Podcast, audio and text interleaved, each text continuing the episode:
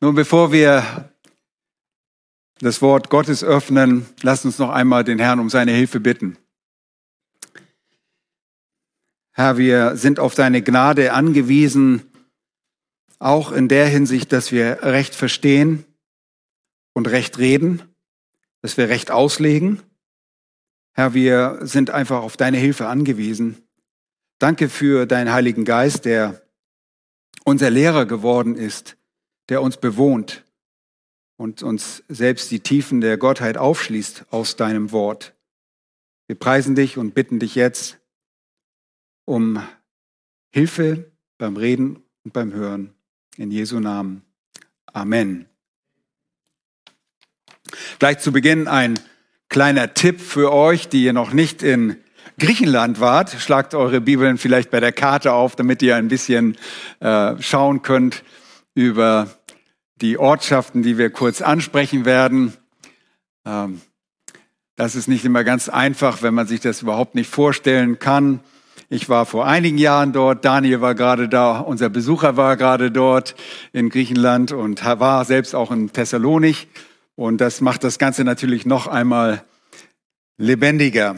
Nun, ich freue mich wirklich über diese Möglichkeit, ein weiteres Buch aus dem Neuen Testament predigen zu können.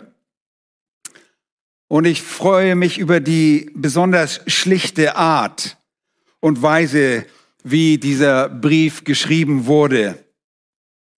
Und wir werden sehr davon profitieren, wenn wir uns im Gebet und mit den Herzen wahrer Jünger den Lehren und Wahrheiten darin öffnen, mit der Bereitschaft, diese in unser aller Leben und das Leben der Gemeinde einfließen zu lassen. Wir werden schon bei der einleitenden Predigt sehen, wie die glaubende Gemeinde von der Gnade Gottes lebt und sie dieser Gnade auch anbefohlen wird. Und lasst uns zusammen, wenn ihr das nicht schon getan habt, die Bibel aufschlagen bei 1. Thessalonicher Kapitel 1 und Vers 1. Und ich lese ausnahmsweise nach der Elberfelder Übersetzung. Und ihr werdet feststellen, das, was ich vorlese, ist etwas kürzer als das, was eurer Schlachter 2000, wenn ihr eine Schlachter 2000 habt, vorfinden werdet. Ich denke, dass die Skripte aus dem älteren Texten hier genauer sind, auch wenn das keinen wesentlichen Unterschied macht. Paulus und Silvanus, heißt es dort im Vers 1, und Timotheus der Versammlung, das ist die Ekklesia, die Gemeinde der Thessalonicher in Gott, dem Vater und dem Herrn Jesus Christus. Gnade euch und Friede. Soweit der Text, den wir uns heute anschauen wollen und natürlich mit dem wir uns auch im dem Hintergrund dieses Briefes beschäftigen. Wenn wir den Brief betrachten, dann lasst uns das gleich von Anbeginn tun unter dem Leitthema der Gnade. Und ich habe es formuliert für die ganze Serie, für den ganzen Brief, die glaubende Gemeinde in der Gnade Gottes. Und ihr Lieben, wenn wir uns die Thessalonicher Gemeinde ansehen, dann sehen wir genau das. Denn es gibt keine Gemeinde ohne diese Gnade. Im ersten sowie im letzten Vers des ersten Briefes wird die Gnade erwähnt und hervorgehoben. Also der erste Vers und der letzte Vers. Und dieses Muster sehen wir dann auch im zweiten Thessalonicher Brief, dort allerdings im zweiten Vers, im ersten Kapitel und der letzte Vers des Briefes im zweiten Thessalonicher Brief. Er betont die Gnade unseres Gottes. Nun, wir wollen zunächst wissen, Wer sind die Beteiligten in dieser Gnade? Wer sind die Akteure der Gnade? Nun, ein Akteur ist laut Duden ein Handelnder beziehungsweise an einem bestimmten Geschehen Beteiligter. Wir sind die Beteiligten der Gnade Gottes und es gibt jemand, der nicht nur beteiligt ist, sondern der Spender der Gnade ist. Und auch der wird von Anfang an uns vorgestellt. Nun, der Text gibt uns reichlich Aufschluss. Mein Thema deshalb auch die Akteure der Gnade Gottes. Und es ist einfach, diesen ersten Vers zu übersehen. Wir sehen drei Namen. Wir sehen drei Männer, die hier aufgeführt sind. Wir sehen hier eine Empfängerschaft und wir sehen den Gnadengeber. Die ersten beiden sind Empfänger der Gnade. Der dritte, das ist unser Gott natürlich, ist der Spender dieser Gnade. Und wir werden uns in unserer Untersuchung mit den ersten Namen aus Vers 1 beschäftigen und da auch beginnen mit Paulus und Silvanus und Timotheus. Nun, die Namen wurden damals gewöhnlich, es war so Sitte, an den Anfang eines Briefes gestellt, und zwar die Namen derjenigen, die diesen Brief verfasst haben, nicht die Empfänger. Und ihr würde schreiben, liebe Omi, lieber Dieter, lieber Klaus, immer an den Anfang. Aber hier werden die Schreiber an den Anfang gestellt. Und ihre Namen stellen nicht wie bei uns die Empfänger dar, sondern sie sind vielmehr die gemeinsamen Autoren. Sie sind diejenigen, die für das Geschriebene bürgen und von denen dieser Brief und dessen Inhalt stammt. Und ihr Lieben, die Anordnung der Namen, die Reihenfolge ist dabei sogar sehr bedeutsam. Wem schreiben wir diesen Brief typischerweise zu? Natürlich, ihr habt es schon gedacht, Paulus. Natürlich, der bekanntesten Person. Paulus, der sich hier nur mit seinem Namen vorstellt, nicht mit seinem Aposteltitel, ist der Leiter innerhalb dieser kleinen Gruppe. Sie sind ein Team. Sie sind Männer, die zusammenarbeiteten und es gibt unter ihnen einen deutlichen Leiter. Nun, woher wissen wir das? Und es ist unser Vorrecht, dass wir Einblick erhalten dürfen in die Anfänge und Gründung der Gemeinde. Und das ist so wichtig. Wenn man einen Brief liest, dann möchte man wissen, was sind das für Leute? Wer hat hier gewirkt und was ist dort passiert? Um überhaupt Sinn zu machen aus diesem Brief, um ein besseres, tiefes Verständnis zu bekommen. Wir wollen den Kontext, den historischen, geschichtlichen Kontext verstehen. Wir haben Einblick in die Aufzeichnung des Lukas, dem treuen Arzt, der Paulus begleitet hat. Wir sehen das in der Apostelgeschichte sehr deutlich. Lukas ist der Verfasser der Apostelgeschichte. Und wir lesen immer wieder, dass es auch Passagen gibt, in denen er sich mit einbezieht. Das sind die sogenannten Wir-Passagen. Und dann gibt es Passagen, in denen er nicht da ist. Aber wir vertrauen seinen Recherchen unter der Leitung des Heiligen Geistes dass er diese Dinge korrekt aufschrieb und wir können, haben das Vorrecht, dorthin zu gehen und schauen, was ist das für eine Gemeinde. Wir kommen also nicht daran vorbei und wollen auch nicht darauf verzichten. Und diese Details der Gemeindegründung wollen wir uns in Erinnerung rufen. Ich weiß, ihr kennt wahrscheinlich schon einige dieser Dinge sehr gut, aber für einige von euch ist es vollkommen neu. Wir wollen sehen, wer diese Männer sind. Wir wollen herausfinden, was über die Empfänger, die in Vers 1 sofort nach den Schreibern aufgezeichnet und angeführt werden, was ist von ihnen bekannt. dort heißt es, der Versammlung, das ist das griechische Wort der Ekklesia, das hat die Schlachter richtig übersetzt, auch der Gemeinde der Thessalonicher. Nun, die drei Männer, Paulus, Silvanus und Timotheus schreiben an die Versammlung der Thessalonicher. Nun ist das aber nicht irgendeine Versammlung, obwohl das griechische Wort, das hier übersetzt wird mit Versammlung und auch manchmal Gemeinde, uns nicht Klarheit darüber gibt, was gemeint ist. Das Wort an sich selbst, Gemeinde, Versammlung, sagt nicht, welche Art von Gemeinde es ist. Aber die weiteren Worte, der Kontext macht es uns sehr deutlich. Es ist eine Versammlung an die Thessalonicher, die in Gott, dem Vater und dem Herrn Jesus Christus sind. Es handelt sich demnach nicht um eine lokale Versammlung der Politarchen. Es handelt sich nicht um eine profane Vereinssetzung des Briefmarkensammlervereins der Thessalonicher. Es handelt sich auch nicht um eine Versammlung der Juden in der Synagoge, sondern um eine Versammlung der Christen und von daher auch gut und richtig übersetzt Gemeinde. Und das ist ein technischer Begriff geworden, Gemeinde, verstehen wir Gemeinde Jesu Christi darunter. Denn das Element der Verbindung ist nicht nur Gott, sondern diese Gemeinde ist in Gott, dem Vater und dem Herrn Jesus Christus. Und der Jesus Christus ist hier das entscheidende Element, die entscheidende Person. Unser Jesus Christus ist kein Element, er ist eine Person. Das ist eine Hervorhebung der zweiten Person der Gottheit des Herrn Jesus Christus aber dazu später noch ein wenig mehr.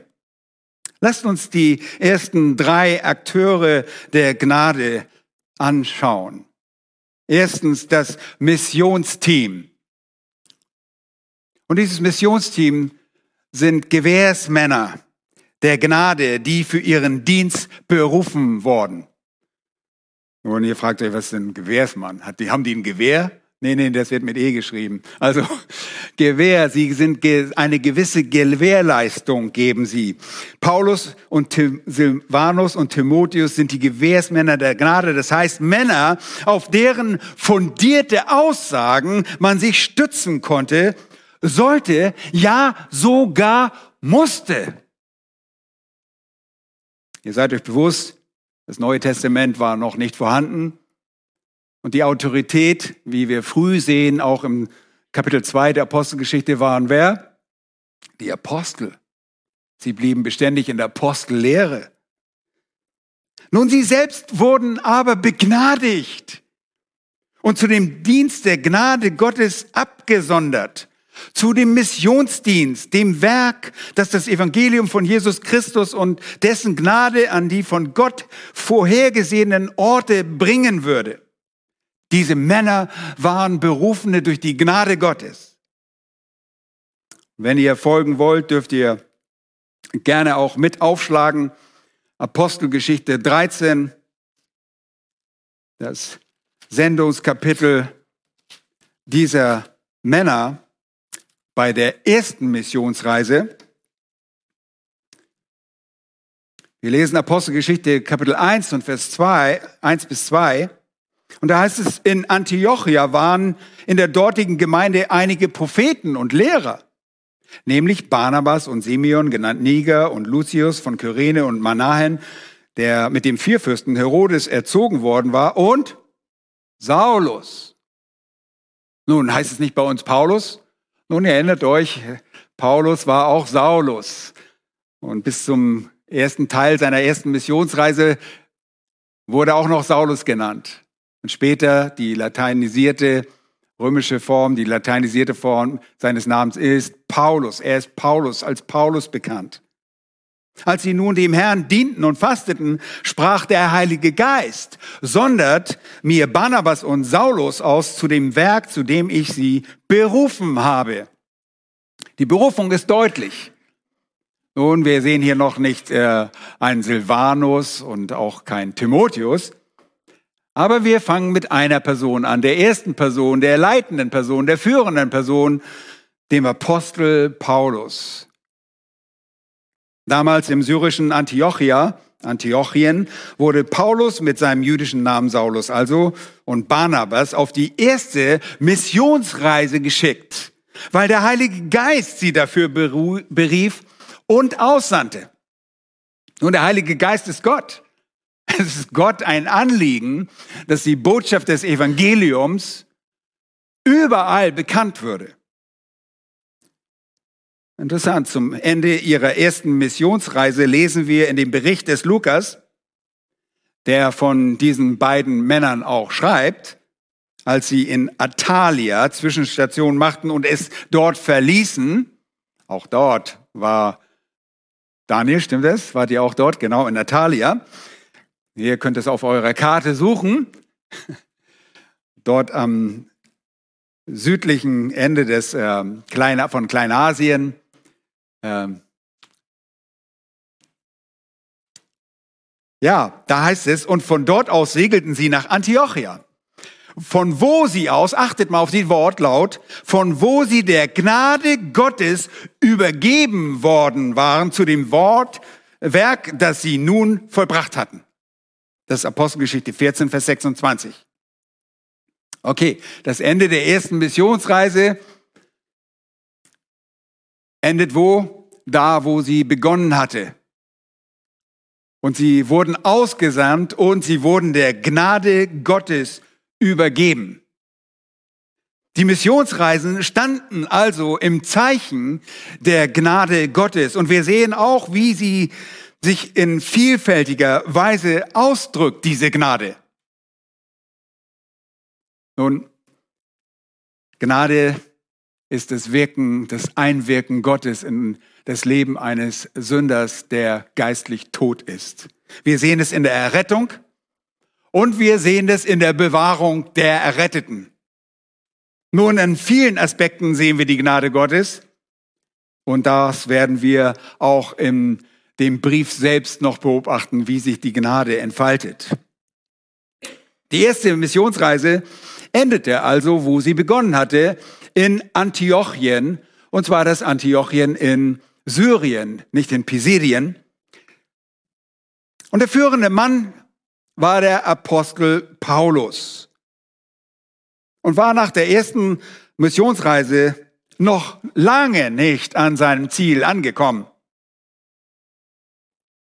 Auf seine erste Missionsreise folgte nach einer dringenden Unterbrechung mit interessanten Begegnungen in Jerusalem eine zweite Phase, eine zweite Reise. Später gab es noch eine dritte Missionsreise. Fakt ist, dass Paulus sich selbst nach der Inhaftierung in Rom nochmals freikommen sollte, nur um nochmals auf eine vierte Missionsreise zu gehen, von der die Apostelgeschichte uns nicht berichtet, aber die Briefe uns deutlich machen, dass das der Fall war. Paulus wurde selbst von Jesus auf eine spektakuläre Art und Weise von Jesus selbst berufen, gerettet und berufen. Er selbst war ein Apostel Jesu Christi. Und was ist ein Apostel? Ein Apostel ist ein Apostolos, griechisches Gesandter. Sein Sendungsauftrag beinhaltete mehr als nur eine kleine Missionsreise einmal im Kreis laufen war das für Paulus. Er war unbändig und wollte weiter. Aber schaut einmal nur ganz kurz, was dieser jüdische Mann aus Tarsus in Silizien ursprünglich für die Gemeinde Gottes war. Schaut euch an, was man diesem Mann vielleicht gar nicht zutraute und was Gott in seiner Gnade aus ihm machte. Und dazu schlagt ihr auf Kapitel 9. Wir gehen immer weiter zurück anstatt vorwärts, aber in Kapitel 9 lesen wir die ersten Verse. Und das ist es, was die Gnade Gottes bewirkt. Wenn Gott handelt, dann greift er ein und verändert das Leben eines Mannes oder einer Frau. Saulus aber, heißt es, der noch Drohung und Mord schnaubte gegen die Jünger des Herrn, ging zum hohen Priester und erbat sich von ihm Briefe nach Damaskus an die Synagogen in der Absicht, wenn er irgendwelche Anhänger des Weges findet, das waren die Christen, die wurden so bezeichnet, ob Männer oder Frauen, sie gebunden nach Jerusalem zu führen. Seht ihr, Paulus war nicht irgendwie ein Atheist. Er war religiös. Er war gesetzlich und er war jüdisch. Und er war ein Eiferer für das Gesetz. Und er dachte, das, was er tat, das wäre gut aber er tat es in Unkenntnis.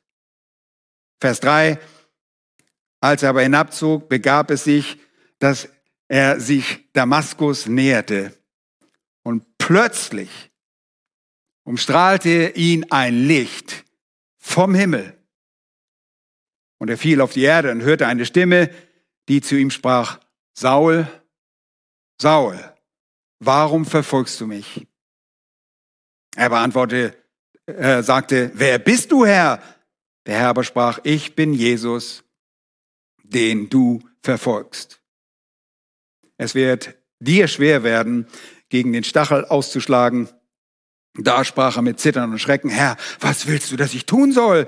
Und der Herr antwortete ihm, steh auf und geh in die Stadt hinein, so wird man dir sagen, was du tun sollst. Zur gleichen Zeit beauftragte der Herr einen Diener, Ananias, der ihm die Botschaft brachte. Jesus selbst rettete ihn und beauftragte ihn, begnadigte ihn, diesen einzigartigen Mann. Und jetzt steht er an der Spitze dieser Leute, die die Gemeinde in Thessalonich mitgründen durften. Jesus selbst rettete ihn.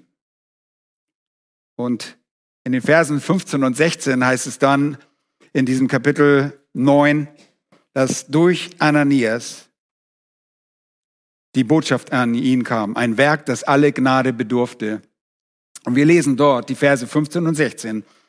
Aber der Herr sprach zu ihm, zu Ananias, geh hin, denn dieser, und er spricht von, von Saul, von Paulus, dieser ist mir ein auserwähltes Werkzeug, um meinen Namen vor Heiden und Könige und vor die Kinder Israels zu tragen.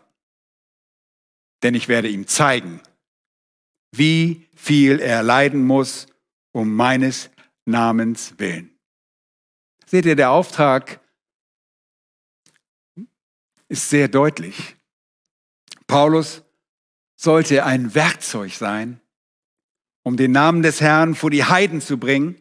Und deshalb wird er auch der Apostel der Heiden genannt. Und vor Könige, aber auch vor die Kinder Israels. Und genau das tat er. Und wir sehen das in der Apostelgeschichte und wir sehen das auch genauso in Thessalonik, auch wenn dort keine Könige direkt erwähnt werden. Die erste Missionsreise endete in Kapitel 14. Dort nochmals, wo sie in Kapitel 13 begonnen hatte in Antiochien. Aber bitte horcht auch, denn der Beginn der zweiten Missionsreise ist sehr aufschlussreich. Sie zeigt die Berufung des Silas und begann mit den Worten der Gnade Gottes. Schaut in den Text in Apostelgeschichte 15 und dort die Verse 40 und 41. Achtet genau auf die Worte. Paulus aber wählte sich Silas und jetzt muss ich gleich vorwegnehmen, Silas ist Silvanus. Petrus und Paulus nennen ihn Silvanus. Das ist auch die lateinisierte Form seines Namens. Das ist nicht unüblich, zwei Namen zu haben. Dieser Silas ist Silvanus.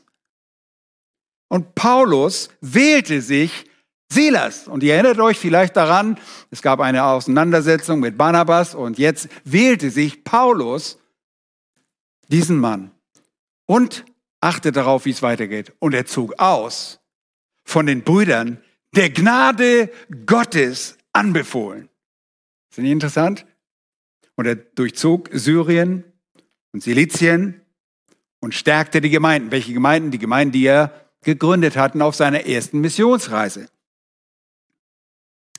Die Gemeinden, die Gott durch seine Gnade im gemeinsamen Dienst mit Barnabas auf der ersten Missionsreise in diesen Gebieten entstehen ließ. Auf dieser zweiten Missionsreise kommt Paulus, jetzt also nicht mehr Saulus, auch nach Thessalonich. Bitte lest immer wieder diese Geschichten. Es ist so wunderbar, die Apostelgeschichte zu sehen und dort nicht das primär das Wirken der Apostel selbst zu sehen, sondern das Wirken Gottes, seines Geistes.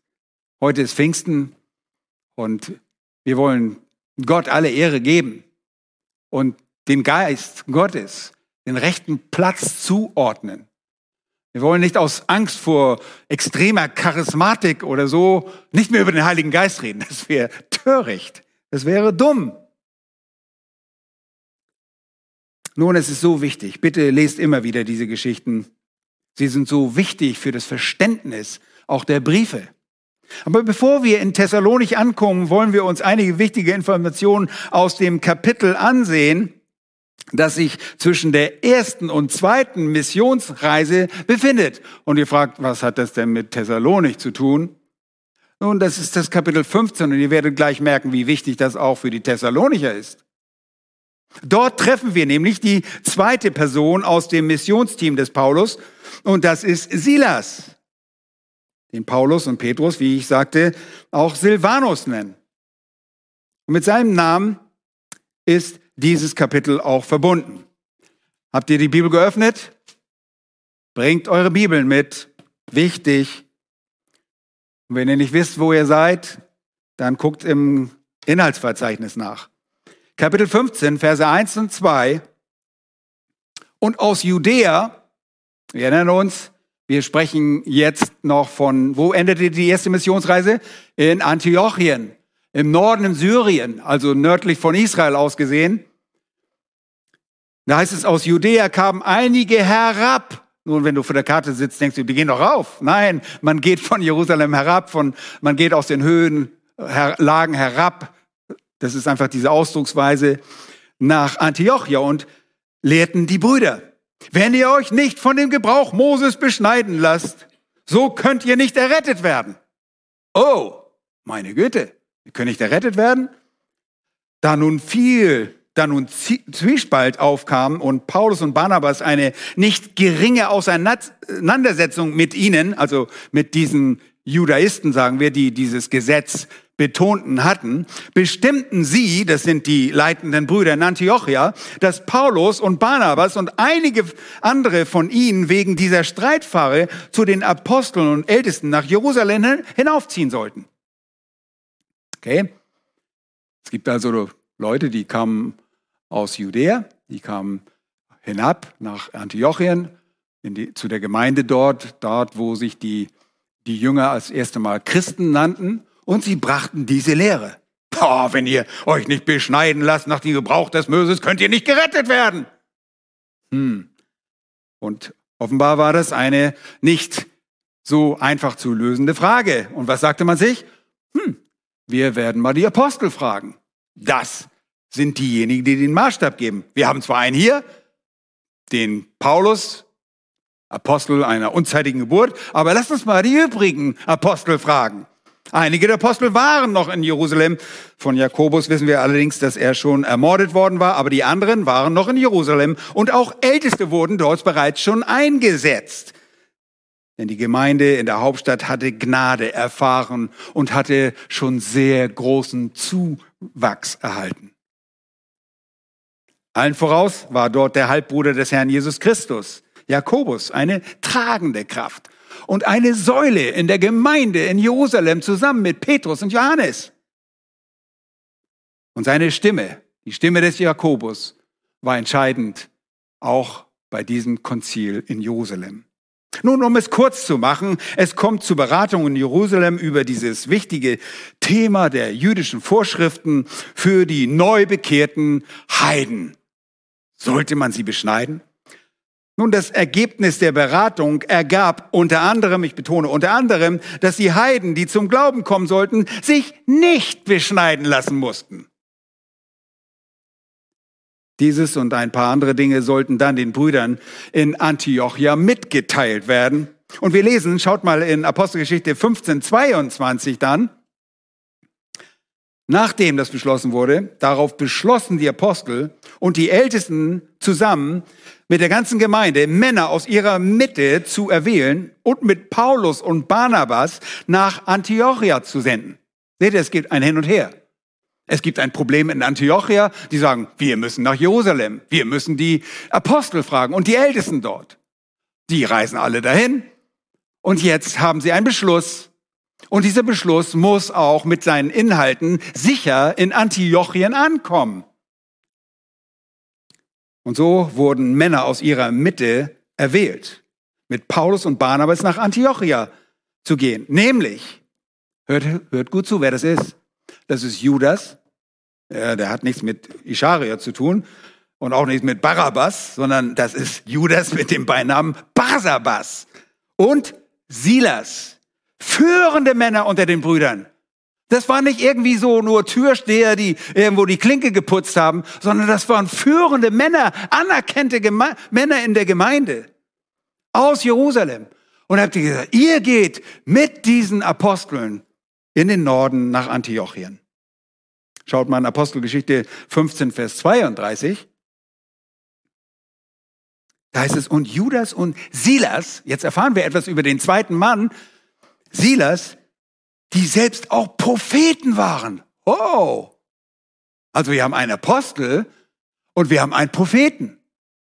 Bleibt uns nur noch zu klären, wer ist denn der dritte Mann, der Timotheus. Aber hier steht, und Judas und Silas, die selbst auch Propheten waren, ermahnten die Brüder mit vielen Worten und stärkten sie. Nun, sie gehen dorthin, sie begleiteten die Apostel und sie stärkten die Geschwister dort. Nun, blättert einmal nochmal zurück zu Kapitel 11 und Vers 27. Da gibt es auch diese Aussage über die Propheten. Silas war ein Prophet. In diesen Tagen, Kapitel 11, 27, kamen Propheten von Jerusalem herab nach Antiochia. Antiochia. Und ihr erinnert euch wahrscheinlich an den bekanntesten Agabus, der dort auch eine Vorhersage machte. Seht ihr, das sind neutestamentliche Propheten. Und Paulus schreibt darüber in Epheser Kapitel 2, Epheser Kapitel 4, dass er Männer gegeben hat, einige als Apostel, andere als, als, äh, Apostel, äh, als Propheten, andere als Evangelisten, zur Zurüstung, ihr wisst, und Lehrer, äh, Hirtenlehrer. Aber er sagt auch, dass die Grundlage der Gemeinde ist die, sind die Apostel und Propheten. Seht ihr? Neutestamentliche Propheten. Und so einer war Silas. Und in Antiochia waren in der dortigen Gemeinde einige Propheten, heißt es in Kapitel 13, Vers 1a einige Propheten und Lehrer. Und während Judas nach Jerusalem zurückkehrte, heißt es in Apostelgeschichte 15, Apostelgeschichte 15, 34 und 35, Silas aber beschloss, dort zu bleiben. Seid ihr verwehrt? Wo bleibt er? Er bleibt in Antiochien.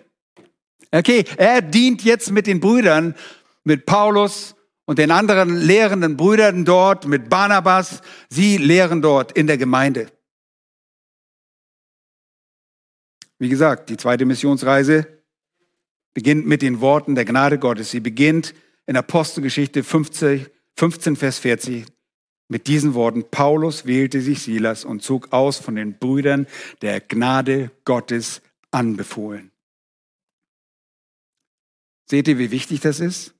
Das Missionsteam kommt zusammen, um auf das europäische Festland im Osten der römischen Provinz Mazedonien, im Norden Griechenlands zu wirken.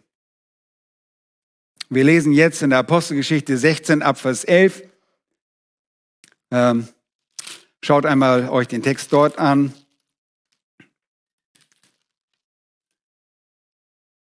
So fuhren wir denn nun von Troas ab und kamen geradewegs nach Sumatras und am folgenden Tag nach Neapolis. Das ist nicht in Italien irgendwo so ein äh, äh, Spaghetti-Fabrik, sondern nein, das ist äh, die Hafenstadt von Philippi. Und ihr seid ihr auch gelandet in Neapolis. Von Neapolis geht es dann weiter nördlich nach Philippi. Und in Philippi hat sich Paulus dann auch aufgehalten. Nun, auf dieser zweiten Missionsreise kommt Paulus nach Thessalonik. Aber eine Person haben wir ganz vergessen. Oh Schreck. Wir haben einen Apostel, wir haben einen Propheten, einen führenden Mann der Gemeinde in Antiochien oder in, äh, aus Jerusalem eigentlich. Er blieb in Antiochia. Und wir haben eine Person vergessen. Nun, wir können alle bis drei zählen. Es ist Timotheus. In der Apostelgeschichte 16, Vers 1 und 2 heißt es, er, Paulus, kam aber nach Derbe und Lystra und siehe, dort war ein Jünger namens Timotheus, der Sohn einer gläubigen jüdischen Frau, aber eines griechischen Vaters, der hatte ein gutes Zeugnis von den Brüdern in Lystra und Iconium. Nun, Paulus war, war dort in dieser Gegend zuvor und es ist sehr wahrscheinlich, dass Timotheus durch seine zum Glauben gekommene Mutter Eunike, äh, 2. Timotheus 1, Vers 5, wird dort der Name seiner Mutter beschrieben, Eunike und seiner Großmutter Lois. Ähm, sie hatten ihn bereits, und das ist sehr wichtig zu verstehen, in den Schriften unterwiesen. Das heißt im Alten Testament, er war ein, ein Fachkundiger, weil er von seinen, seiner Mutter und die Großmutter hat sicherlich zu, dazu beigetragen. Sie hatten einen wunderbaren Glauben. Und dieser junge Mann war unterwiesen. Und jetzt kommt Paulus auf seiner Missionsreise und jemand, der das Alte Testament kennt, ist vorbereitet. Wer gottesfürchtig ist, ein gottesfürchtiger Jude, das war er, obwohl er einen griechischen Vater hatte und das wussten auch alle. Aber obwohl er ein gottesfürchtiger Jude war, war er vorbereitet für das, was dort verkündigt werden sollte. Und ich nehme an, dass seine Mutter zum Glauben kam und seine Mutter, vielleicht auch er selbst schon auf der ersten Reise, denn es heißt von ihm dort, dass er ein gutes Zeugnis, Vers 2, schaut, der hat ein gutes Zeugnis von den Brüdern in Lystra und Iconium. Das war nicht irgendwie so ein dahergelaufener, der irgendwo da so reingeplatzt ist und sagt, hey, ich will auch mal dabei sein, lass mich mal mitmachen. Ich, will, ich kann hier äh, eure, eure Mahlzeiten kochen oder sonst irgendwas. Nein, das war ein, ein Mann, der wirklich eine gute Reputation, einen guten Ruf hatte. Im zweiten Timotheus, Kapitel 3, Vers 15, sagt Paulus genau das, dass er von Kind auf an den Schriften unterwiesen wurde. Paulus sagt in seinem allerletzten Brief, schaut er zurück auf das Leben des Timotheus und er sagt dort in 2. Timotheus Kapitel 3 und Vers 10, Du aber bist mir nachgefolgt in der Lehre, in der Lebensführung, im Vorsatz, im Glauben, in der Langmut, in der Liebe, im standhaften Ausharren, in den Verfolgungen, in den Leiden, wie sie mir in Antiochia, in Iconium, Lystra widerfahren sind. Solche Verfolgung habe ich ertragen und aus allem hat mich der Herr gerettet. Und alle, die gottesfürchtig leben wollen in Christus Jesus, werden Verfolgung erleiden. Nun, ihr Lieben, dieser Mann ist sehr wichtig für die Thessalonicher. Und lasst es mich erklären. Wir gehen zu Kapitel 17 in der Apostelgeschichte. Die beste Erklärung ist, wenn man es vorliest was geschehen ist. Paulus, sein Missionsteam, Silas an der Seite. Es sieht so aus, dass Lukas ihn in Philippi verlassen hat und für eine kurze Zeit.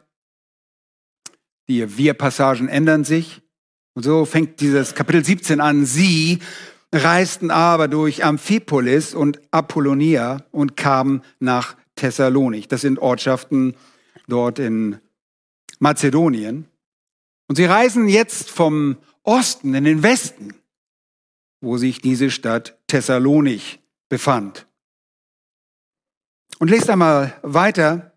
Paulus aber ging nach seiner Gewohnheit, Entschuldigung, ich habe was vergessen, kam nach Thessalonik, wo eine Synagoge war, der Juden. Und in dem Text steht, in dem griechischen Text steht wirklich ein Artikel. Das ist die Synagoge. Und zuvor waren sie in Philippi und es gab offenbar keine Synagoge. Deshalb gingen sie sogar an den südlich gelegenen Fluss der Stadt, wo die Frauen sich zum Gebet versammelten und dort die erste äh, europäische Konvertitin Lydia zum Glauben kommt durch die Predigt dieser Männer. Aber hier gibt es eine Synagoge.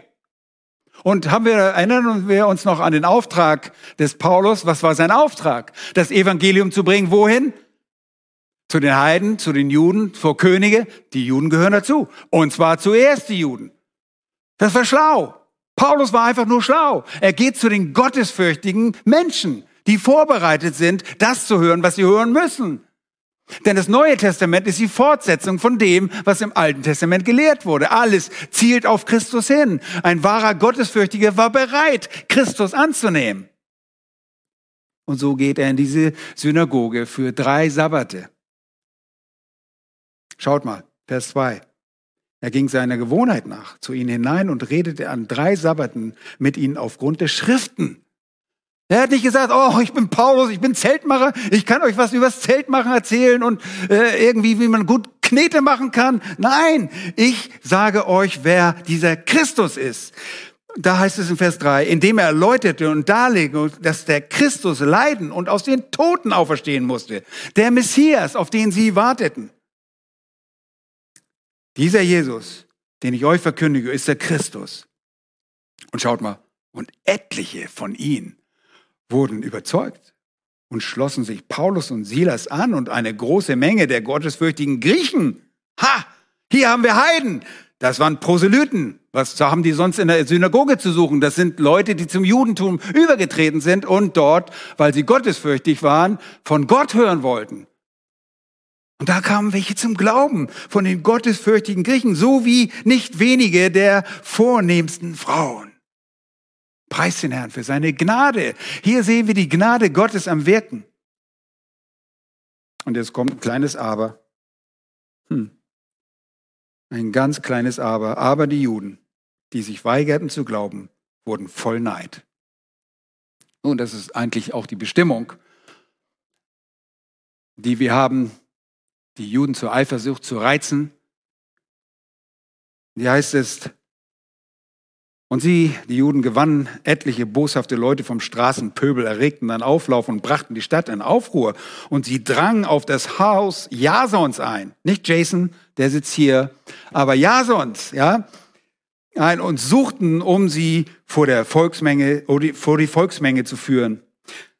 Als sie sie aber nicht fanden, die haben gesagt, Jason, der ist bestimmt der Gastgeber, da gehen wir mal hin.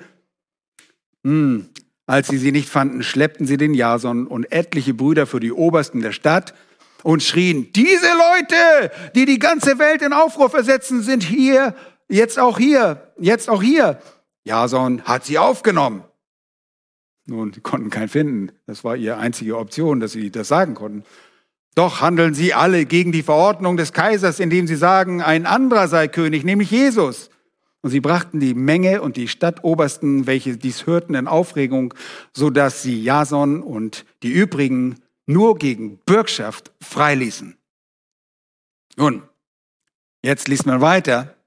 Und da steht da, die Brüder aber schickten sogleich während der Nacht Paulus und Silas nach Berühr.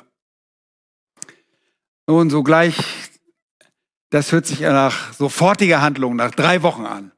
Er geht drei Wochen in die Synagoge und die können ihn nicht leiden, also haut er ab. Nein, Paulus blieb hier einige Monate in Thessalonich. Er war drei Monate, äh, drei Wochen in der Synagoge, aber setzte dann seinen Dienst unter den Thessalonicher, den Heiden, fort und belehrte dann auch die zum Glauben gekommenen Juden in ihrem Glauben. Er belehrte sie. Nichtsdestotrotz nach einigen Monaten muss Paulus tatsächlich die Stadt verlassen. Bedrängnisse sind gekommen. Verfolgung kam nicht von den Römern, sondern vielmehr von den Juden. Und wir sehen auch, so gehen Paulus und Silas nach Beröa, wo sie nach ihrer Ankunft wohin gehen? Ratet mal, in die Synagoge, weil es dort eine Synagoge gab. Man brauchte mindestens zehn Männer, um eine Synagoge zu haben. Und dort gab es auch eine Synagoge. Übrigens Thessalonich, und ich sage gleich noch zu der Stadt was. Na gut, okay, vielleicht später mal was dazu. Aber äh, nein, sie, sie ging wieder in die Synagoge und die Juden fanden raus, die sind da in Berührer, die machen da genau das, was sie hier gemacht haben. Und die wurden sauer. Schaut euch das an die sind einfach nicht äh, klein zu kriegen. Vers 13, als aber die Juden von Thessalonich erfuhren, dass auch in Berühr das Wort von Paulus verkündigt wurde, kamen sie auch dorthin und stachelten die Volksmenge auf. Ja, den Mob, hier, diesen, ähm, ja, diese ganze Versammlung, die da war. Und alle fingen sich gegen, an, sich gegen Paulus und Silas und Timotheus zu wenden. Schaut mal genau hin. Vers 14, Kapitel 17. Daraufhin sandten die Brüder den Paulus sogleich fort, damit er bis zum Meer hinziehe. Silas und Timotheus aber blieben dort zurück. Warum sage ich das? Weil das ist wichtig für den Inhalt des Thessalonicher Briefes. Paulus zieht weiter, er geht zum Meer, wahrscheinlich über den Seeweg, geht es weiter nach Athen. Silas und Timotheus bleiben zurück. Aber schaut mal in Vers 15. Die nun, welche den Paulus begleiteten, brachten ihn bis nach Athen. Und nachdem sie den Auftrag an Silas und Timotheus empfangen hatten, dass sie so schnell wie möglich zu ihm kommen sollten, zogen sie fort. Das sind die anderen, die Begleiter. Lass mich das nochmal ganz vorsichtig euch aufzeigen. Paulus kommt nach Thessalonik. Er muss Thessalonik nach einigen Monaten verlassen. Und er kommt nach Beröa. Er nimmt seine Männer mit nach Beröa. Die Thessalonicher kriegen Wind davon und wissen, hey, der, der verkündigt da auch diesen Jesus. Und so zetteln sie einen weiteren Aufstand bei den Beröern an, die nobler waren, die das Wort bereitwillig aufnehmen. Ihr erinnert euch, und sie forschten täglich darin, ob das sich so verhielte in den Schriften, was Paulus lehrte. Aber Paulus musste selbst dort diese Ortschaft verlassen. Und er ließ Silas und Timotheus dort zurück. Andere Männer brachten ihn bis zum Meer und begleiteten ihn bis runter. Schaut euch die Karten an. Auf der Straße von Beröa nach Athen sind 500 Kilometer. Ja, es ist nicht mal eben mal kurz mal hingelaufen. Aber diese Männer begleiteten ihn und dann gibt Paulus ihnen Auftrag. Sagt den beiden Männern, dass sie sofort zu mir kommen. Okay? Die Männer, die Paulus nach Athen begleitet hatten, hatten den Auftrag, Silas und Timotheus zu sagen, kommt schnell nach Athen. Und wir sehen auch, dann in Vers 16, während aber Paulus an Athen auf sie wartete und er erwartete sie, dass sie bald kommen würden. Und sie kamen auch. Sie müssen gekommen sein. Denn er gibt ihnen erneut den Auftrag, zurückzugehen. Mensch, Paulus, hättest du uns nicht einen Fax schicken? Nee, wir haben ja E-Mail heute. SMS. Warum hast du uns keine WhatsApp-Message geschickt?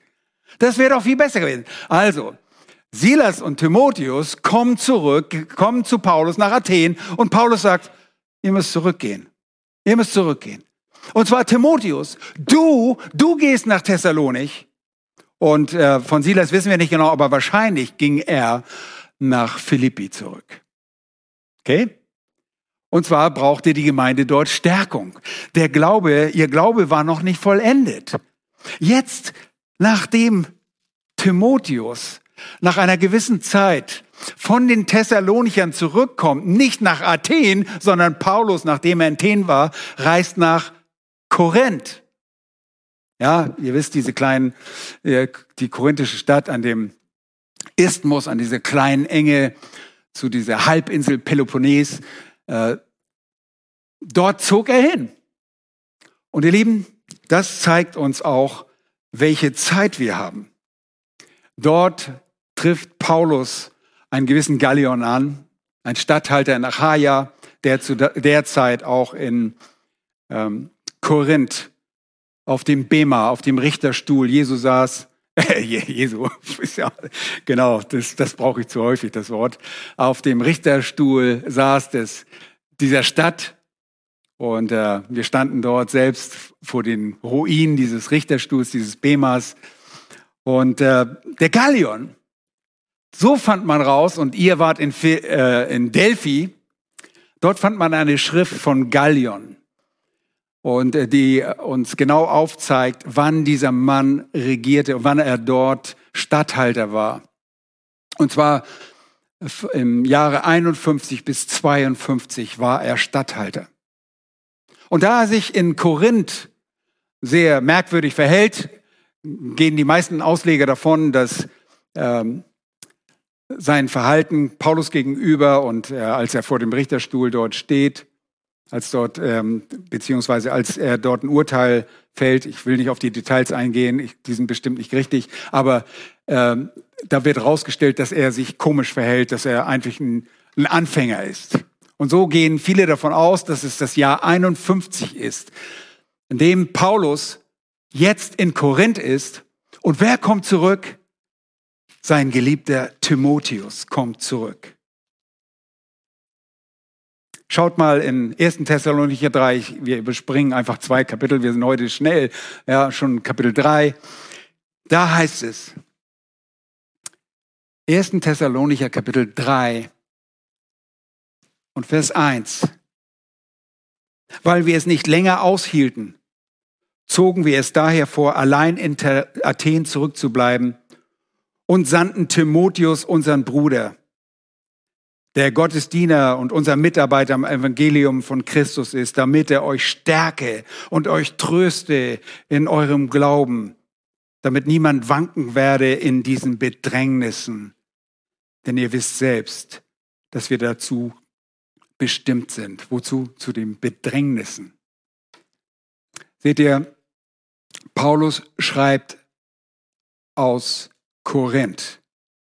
Er sandte seinen geliebten Sohn Timotheus.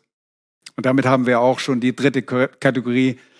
Timotheus ist ein Jünger, ein gewisser, ein Lehrling. Und er wird später zu einem Ältesten, auch in der Stadt Ephesus. Wir sehen ihn, äh, wie er zum Schluss wirkt in Ephesus. Wir lesen von ihm, dass er treu ist. Wir lesen von ihm im Hebräerbrief, im 13. Kapitel wird er aus dem Gefängnis entlassen. Wir wissen nicht genau, welche, was die Umstände dort waren. Aber dieser Timotheus war eine große Unterstützung. Und Paulus hatte dieses Anliegen. Er wollte die Gemeinde stärken. Und dann lest weiter in, Kap in Vers 6. Kapitel 3, Vers 6. Nun aber, da Timotheus von euch zu uns zurückgekehrt ist und uns gute Nachricht gebracht hat von eurem Glauben und eurer Liebe, und dass ihr uns alle Zeit in guten Andenken habt und daran verlangt, uns zu sehen, gleich wie auch wir euch. Da sind wir deshalb, ihr Brüder, euretwegen bei all unser Bedrängnis und Not getröstet worden durch euren Glauben. Das ist nicht ein wunderbares Zeugnis. Dann sagt er, denn nun leben wir, wenn ihr feststeht im Herrn. Und Paulus kümmerte sich um diese Gemeinde. Und er hatte ihnen einen guten, äh, gutes Stück Lehre gegeben, aber ihr Glaube hatte noch Mängel. Das lesen wir in Vers 10. Tag und Nacht flehen wir aufs Allerdringlichste, dass, euer Angesicht, dass wir euer Angesicht sehen und das ergänzen dürfen, was an eurem Glauben noch mangelt.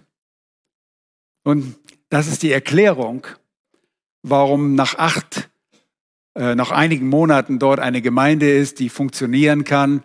Es war eine gute Gemeinde, aber es waren Mängel dort.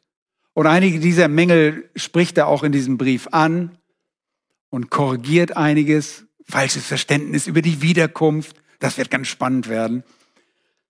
Ihr Lieben, Thessalonik. Ich möchte nur, na, ich bin ein bisschen abgekommen vom zu viel Enthusiasmus, glaube ich, nehme ich an. Ähm, ich möchte doch zu dem Gnadengeber kommen, denn wir müssen den ersten Vers behandeln. Ich wollte den ersten Vers predigen. Der erste Vers spricht also von den Thessalonichern, obwohl ich noch nicht die ganze Stadt vorgestellt habe, die ja zu der Zeit vielleicht zwei bis 300.000 Einwohner schon hatte heute auch noch die zweite größte, zweitgrößte Stadt in Griechenland ist. Aber sie ist eine Stadt, die von Kassandros gegründet wurde im Jahr 315 äh, vor Christus. Äh, Kassandros war ein äh, Diadochenfürst, äh, ein, ein Nachkomme von Alexander dem Großen. Und er hatte eine Frau, die hieß, Thessaloniki. Äh, und äh, man sagt, er wurde, er hat die Stadt nach ihrem Namen benannt, aber auch erinnert es an die Stadt, an die Schlacht bei Thessalien. Ähm, dort wurden in Thessalonik unter Kassandros 26, über 20 Ortschaften zusammengefügt und er gründete dort diese Stadt. Und es ist eine große Stadt und deshalb gab es sicherlich auch eine Synagoge.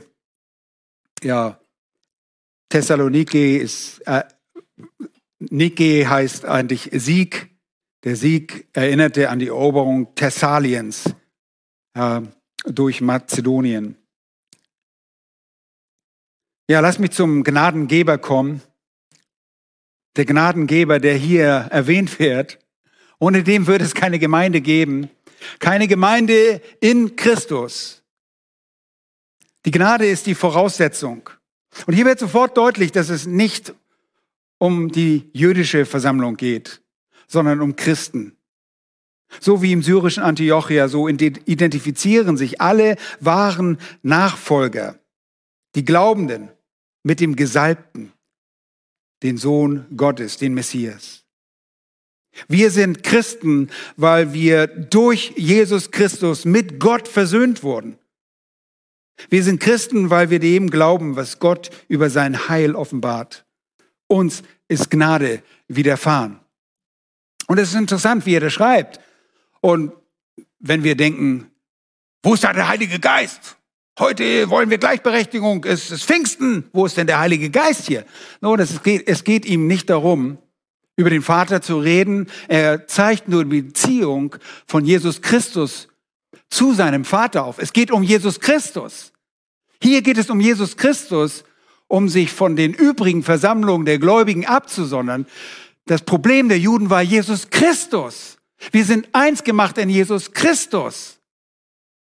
Und das Einssein in Christus zu sein, spricht von unserer Verbundenheit mit ihm, die sich eigentlich zweifaltig gestaltet. Unsere Verbundenheit mit ihm. Wir können in Christus sein das spricht wirklich von enger Verbundenheit. Wir sind sogar sein Leib. So eng sind wir mit ihm verbunden. Oder er kann in uns sein. Christus in uns, die Hoffnung der Herrlichkeit.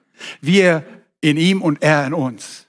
Das ist die Verbundenheit, die ein jeder Christ mit dem Gnadengeber hat.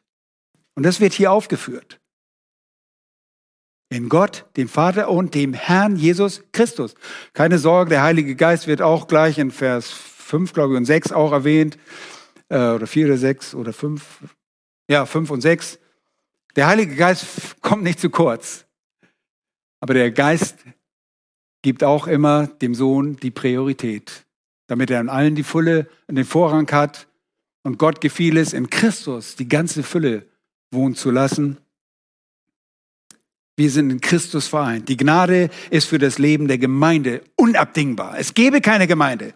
Sie ist Voraussetzung für unser Leben, für unser geistliches Leben als auch unser physisches Leben. Bilde dir nicht ein, du würdest leben ohne Gottes Gnade. Menschen leben aufgrund der allgemeinen Gnade Gottes. Wir leben als Christen, weil wir die spezifische, rettende Gnade Gottes erfahren haben. Und so heißt es in Epheser 2, 5 und 8, auch uns, die wir tot waren durch die Übertretung mit dem Christus, sind wir lebendig gemacht. Aus Gnade seid ihr errettet.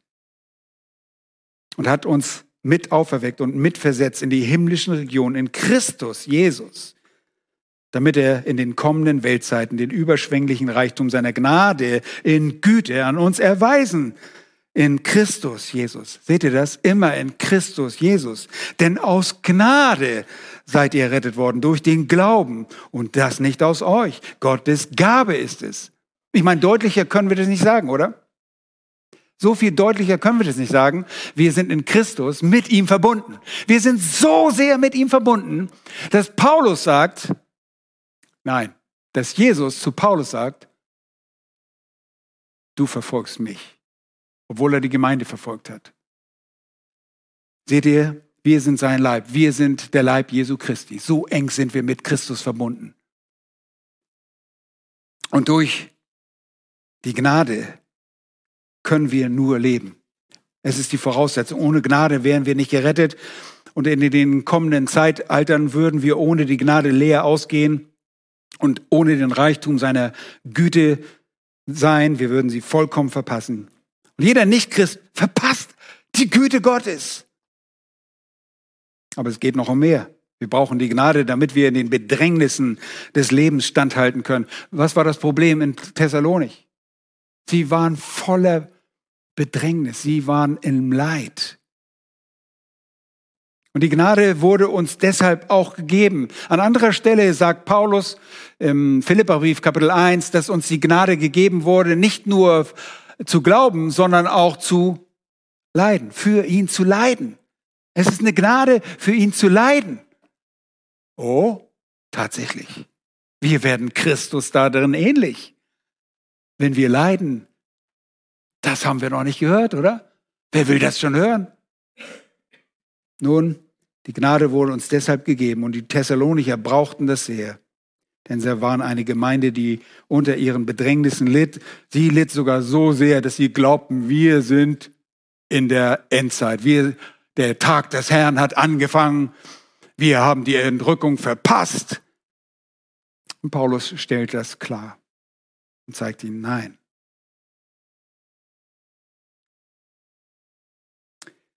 Nun, ich muss ein bisschen was überspringen.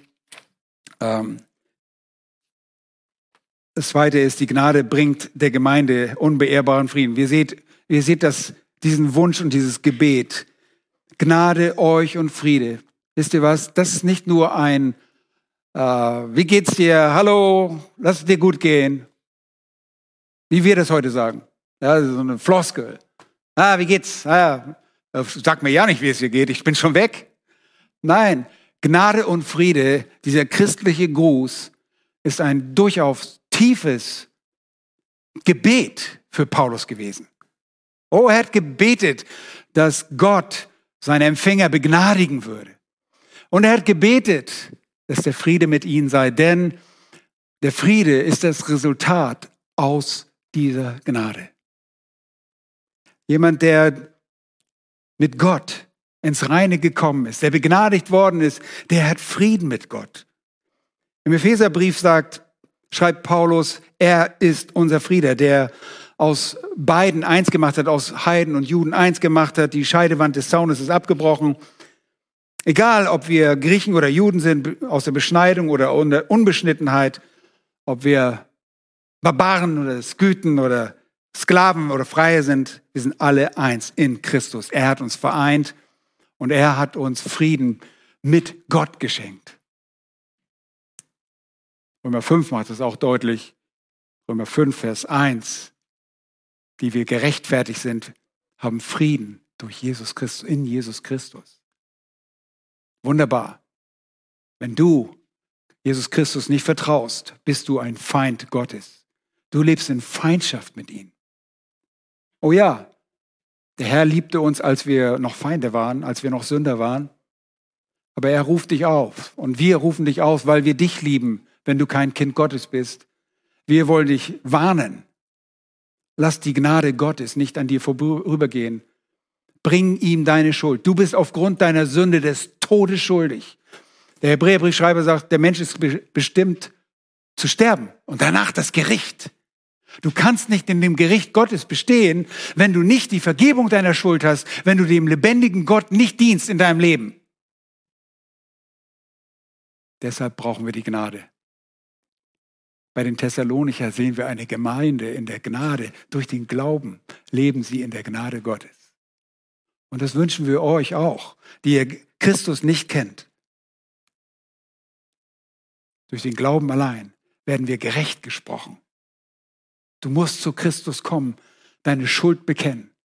Und er wird dir neues Leben schenken durch eine Wiedergeburt. Das haben wir heute gerade bei den Männern betrachtet. Wir werden zu neuem Leben geboren. Ein geistliches Leben, das nur Gott schenken kann.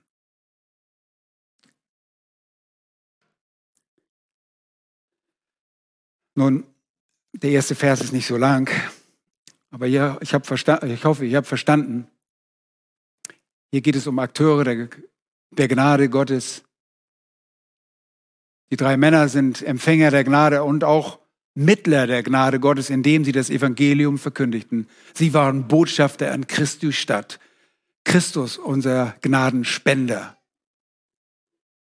Und wir werden sehen, welch wunderbares Leben eine Gemeinde haben darf, wenn sie dem lebendigen Gott vertraut. So wie die Thessalonicher das getan haben. Auch wenn ihr Glaube nicht vollständig war, sie konnten zunehmen. Sie hatten Bruderliebe, sie hatten Glauben, sie hatten eine Hoffnung, die nicht zustanden werden konnte. Und das werden wir uns bei den nächsten Malen ansehen. Danke für eure Geduld. Lasst uns beten. Herr, wir danken für deine wunderbare Gnade. Für dich selbst, Herr Jesus Christus, sind wir so dankbar, dass du auf diese Welt gekommen bist. Der lebendige Gott, der sich erniedrigt hat und Mensch wurde. Und als Mensch ein perfektes, heiliges, sündloses Leben geführt hat. Um als solcher zu sterben. Nicht um irgendein Opfer darzubringen, sondern als ein Sühnopfer ein vollkommenes Opfer, welches der Gerechtigkeit Gottes, deiner eigenen Gerechtigkeit vollkommen Genüge tat. Du hast die Strafe, die uns hätte treffen müssen, hast du getragen. Herr, das können wir so leicht sagen, aber es hat dich auch alles gekostet. Und wir erinnern uns an Gethsemane, an deinen Todeskampf, in dem Wissen, dass der Zorn deines Vaters gegen dich gerichtet wurde es gefiel deinem Vater, dich zu strafen, damit wir Frieden haben. Danke für dieses Vorrecht, danke für diese Gnade, für diese Barmherzigkeit, mit der du dich unser erbarmt hast und eingegriffen hast, uns zu neuen Kreaturen, zu lebendigen Wesen, geistlich lebendigen Gewesen geschaffen hast, sodass wir den Tod nicht mehr fürchten müssen. Wir lieben dich und danken dir von ganzem Herzen. Amen.